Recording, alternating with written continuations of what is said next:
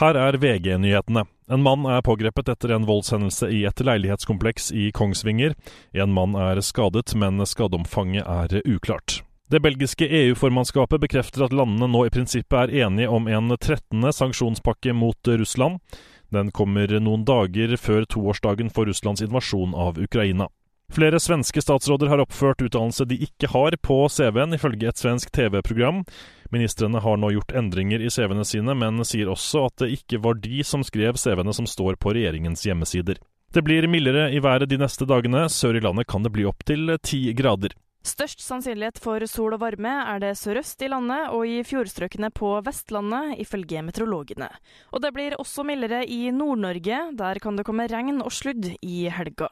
Lenger inn i landet vil temperaturene være lavere. Reporter Miriam Alsvik.